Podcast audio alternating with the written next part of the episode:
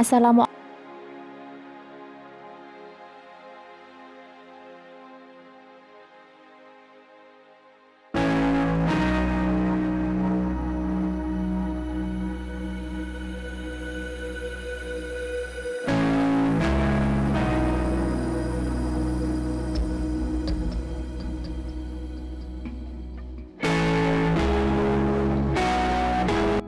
Assalamualaikum warahmatullahi wabarakatuh Hai teman-teman, kembali lagi di ruang dengar kalian bersama podcast Ayo Baik Bareng. Sebuah langkah sebagai salah satu bentuk ikhtiar kita untuk menjadi pribadi yang lebih baik Untuk menjadi muslim yang lebih baik bersama teman-teman di Ayo Baik Bareng. Di kesempatan kali ini, insya Allah saya akan melanjutkan serial buku insight yang membedah tentang 10 karakter muslim tangguh yang diadaptasi dari buku Syarah 10 Muwasofat karya Muhammad Husain Isa Ali Mansur. Jika di episode pekan kemarin kita sudah membahas tiga karakter yaitu akidah yang lurus, ibadah yang benar, dan akhlak yang kokoh, Nah, di episode kali ini kita akan membahas karakter yang keempat, kelima, dan keenam. Karakter yang keempat yaitu Hobiyul Jismi atau jasmani yang kuat. Kekuatan jasmani merupakan salah satu karakteristik seorang muslim yang harus selalu dilatih, dijaga, dan disyukuri. Karena Allah Subhanahu wa taala yang telah menciptakan kita dengan sebaik-baik bentuk yang telah memilih kita untuk mendapatkan nikmat penciptaan ini. Kenapa sih jasmani yang kuat ini masuk dalam 10 karakter muslim tangguh? Karena tubuhlah pelindung dan kerangka yang berfungsi menjaga segala potensi ruhani dan akal budi manusia. Karena itu, jika tubuh lemah, maka seluruh potensi pun akan ikut melemah pula. Sebaliknya, jika tubuh menjadi kuat, maka seluruh potensi yang dibutuhkan akan ikut berkembang. Tubuh seumpama fondasi bangunan yang mesti diperhatikan terlebih dahulu sebelum yang lainnya.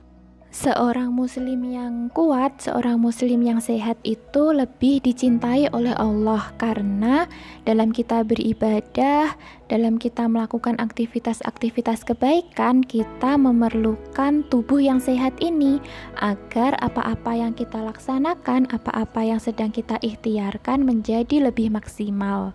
Sedangkan muslim yang memiliki jasmani yang lemah, sakit-sakitan, kemudian kondisi fisik yang tidak fit, pasti akan berujung dengan tidak maksimalnya dia beraktivitas dan dia beribadah.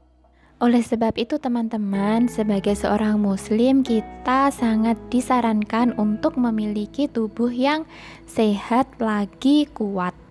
Nah, tapi Seberapa kuat jasmani seseorang itu tidak tercermin, tidak hanya tercermin dari seberapa besar tubuhnya, seberapa perkasa dia.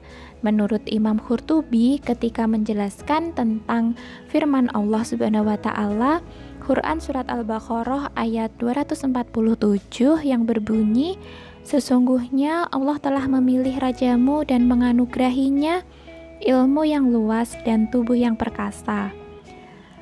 Imam Hurtubi mengatakan bahwa menurut suatu pendapat anugerah jasmani yang dimaksud adalah memiliki kebaikan dan keberanian yang besar dan bukan berarti tubuhnya yang besar saja sebagaimana seorang penyair pernah melantunkan. Engkau pandang remeh si kurus, padahal ia bagai singa perkasa nan terselubung. Engkau kagumi seorang rupawan, lalu kau perhatikan ternyata ia mengecewakanmu. Betapapun unta yang besar tanpa nurani, maka tiada guna. Dari sini dapat kita simpulkan bahwa Kekuatan jasmani, keperkasaan jasmani itu tidak hanya tercermin dari seberapa besar tubuhnya atau seberapa perkasa dia atau seberapa kuat dia, tapi kekokohan jasmani itu tercermin juga dari Seberapa besar kontribusi akal dan pikirannya dalam aktivitas kebaikan sehari-hari? serta seberapa besar keberanian dia dalam menghadapi musuh-musuh Allah. Nah, sebenarnya tentang jasmani yang kokoh ini sudah tercermin dalam diri Rasulullah. Rasulullah itu memiliki jasmani yang sempurna serta akhlak yang sempurna lagi indah. Seperti halnya sebuah kisah yang diungkapkan oleh Muhammad bin Umar dan para ahli sirah menceritakan bahwa Rasulullah pada saat pertempuran Uhud tetap tegar dalam posisinya tidak mundur selangkah pun dari tempatnya. Bahkan dengan kuatnya beliau menghadap ke arah musuh dan terus-menerus menembakkan panahnya sampai-sampai tali busurnya putus sehingga hanya tersisa sejengkal tali saja yang ada di ujung busur. Ukaisyah bin Muhsin kemudian langsung mengambil busur beliau untuk menyambungkan tali itu. Namun Ukaisyah kemudian berujar, Wahai Rasulullah, talinya tidak dapat tersambung. Maka Rasulullah menjawab, rentangkan saja talinya dan nanti bisa disambungkan. Ukaisyah pun berkata, demi Allah yang telah mengutus beliau dengan kebenaran. Tali itu dapat disambungkan setelah kurentangkan. Kemudian Rasulullah kembali mengambil busurnya dan meneruskan memanah musuh. Dan Abu Talhah yang melindungi beliau saat itu hingga pada akhirnya busur beliau rusak terpotong-potong dan hilang talinya. Maka Rasulullah Shallallahu Alaihi Wasallam melemparkan batu-batu. Beli, beliaulah saat itu yang tempatnya paling dekat di hadapan musuh. Nah, dari kisah ini dapat tercermin teman-teman bahwa Rasulullah itu memiliki jasmani yang prima serta keberanian yang sangat-sangat besar. Teman-teman, bentuk-bentuk olahraga yang sangat disukai oleh Rasulullah yaitu berenang, menunggang kuda, serta memanah. Seperti halnya sebuah hadis yang diriwayatkan oleh Tabrani. Rasulullah Wasallam bersabda, Segala pekerjaan yang tidak mengingat Allah hanyalah senda gurau dan bermain-main belaka, kecuali empat jenis pekerjaan, yaitu orang yang membidik target panahannya, belajar menunggang kuda, bercengkrama dengan pasangannya, dan belajar berenang. Nah, itu tadi teman-teman tentang karakter jasmani yang kokoh. Semoga kita sebagai seorang muslim mampu meneladani Rasulullah dalam menjaga kesehatan serta kebugaran jasmani. Selanjutnya, karakter yang kelima adalah mutsakhoful fikri atau wawasan yang luas. Jadi, secara umum, makna dari wawasan yang luas ini adalah kecakapan yang dimiliki seseorang sehingga ia mampu memperoleh informasi dan keterampilan yang menjadikannya mengetahui kebenaran segala sesuatu dan memanfaatkannya. Manusia itu mulia karena kemanusiaannya.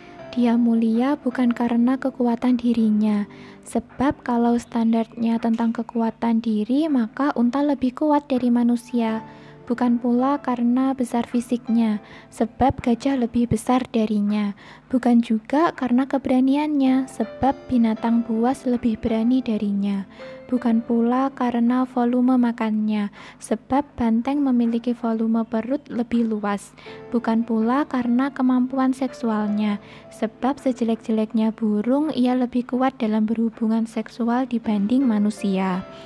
Hal yang membedakan manusia dari semua makhluk-makhluk itu tadi adalah ilmu.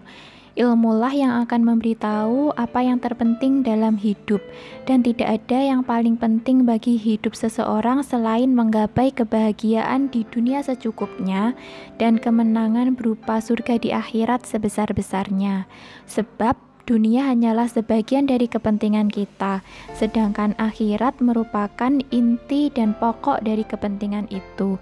Jika kita tidak memiliki pola pikir seperti ini, maka ilmu kita tidaklah bermanfaat. Betapa banyak ilmu yang menurut para ahli dikategorikan sebagai ilmu yang merugikan dan merusak kehidupan. Ilmu yang bermanfaat adalah ilmu yang didapatkan seseorang dari lentera kenabian. Kemudian ilmu tersebut difungsikan pada hati, akal, dan seluruh anggota badannya untuk beramal solih. Dalam sebuah riwayat, Dari Ibnu Umar radhiyallahu an disebutkan bahwa Rasulullah shallallahu alaihi wasallam bersabda, Sesungguhnya orang mukmin yang paling dicintai Allah adalah orang yang berlelah-lelah dalam ketaatan kepada Allah, menasihati hamba-hambanya, sempurna akalnya, menasihati dirinya, di mana ia melihat dengan arif, bijaksana, dan mengamalkan itu semua sepanjang hidup. Dialah orang yang beruntung dan sukses. Hadis riwayat Ad-Dailami dalam Al-Firdaus. Ilmu itu hanya bisa didapat dengan kita belajar, mempelajarinya dari sumber-sumber yang terpercaya, serta kepada guru-guru yang memang sudah ahli atau faham di bidangnya, serta memanfaatkan waktu sebaik-baiknya untuk mempelajari ilmu-ilmu yang bermanfaat, bukan hanya bermanfaat di dunia saja, tapi bermanfaat hingga akhirat. Nah, seperti itu teman-teman tentang wawasan yang luas. Seorang muslim sangat disarankan untuk memiliki karakter wawasan yang luas ini karena tentang ilmu itu merupakan sebuah pegangan kita dalam berkehidupan di dunia hingga di akhirat kelak. Jadi, ilmu yang baik adalah ilmu yang tidak hanya bermanfaat di dunia, tapi hingga di akhirat kelak, dan kita bisa menebarkan kebaikan melalui ilmu-ilmu yang kita miliki tersebut. Semoga kita dapat menjadi generasi Muslim yang memiliki mutsahoful fikri atau wawasan luas ini. Karakter Muslim tangguh selanjutnya yang keenam yaitu khodirun alal kasbi atau mandiri dalam penghasilan. Nah, manusia itu memiliki keunggulan dibanding makhluk yang lain karena bisa mengerjakan bermacam pekerjaan yang mampu mengubah lingkungan tempat tinggal. Manusia tidak cukup hanya dengan mengandalkan sesuatu yang tumbuh dari bumi. Akan tetapi, ia berusaha untuk menanam, berladang, dan mengubah bermacam-macam tanaman. Ia membuat berbagai bentuk barang, kemudian mengembangkannya, membangun pabrik, membelah sungai, dan terbang di udara. Ia menjelajahi semua tempat dan samudra, menyelami kedalamannya, dan mengekstrak apa yang ada di dalamnya. Itulah yang membedakan manusia dengan makhluk-makhluk yang lainnya. Namun, manusia tanpa makhluk yang lain itu sangat lemah baik pada masa kecilnya maupun ketika sudah dewasa, hingga bertahun-tahun lamanya. Manusia membutuhkan makanan, pakaian, obat-obatan, pelayanan, dan perlindungan. Untuk itu, ia harus memenuhi kebutuhan-kebutuhan tersebut dengan mencukupi kebutuhan dirinya dan kebutuhan orang lemah yang membutuhkan.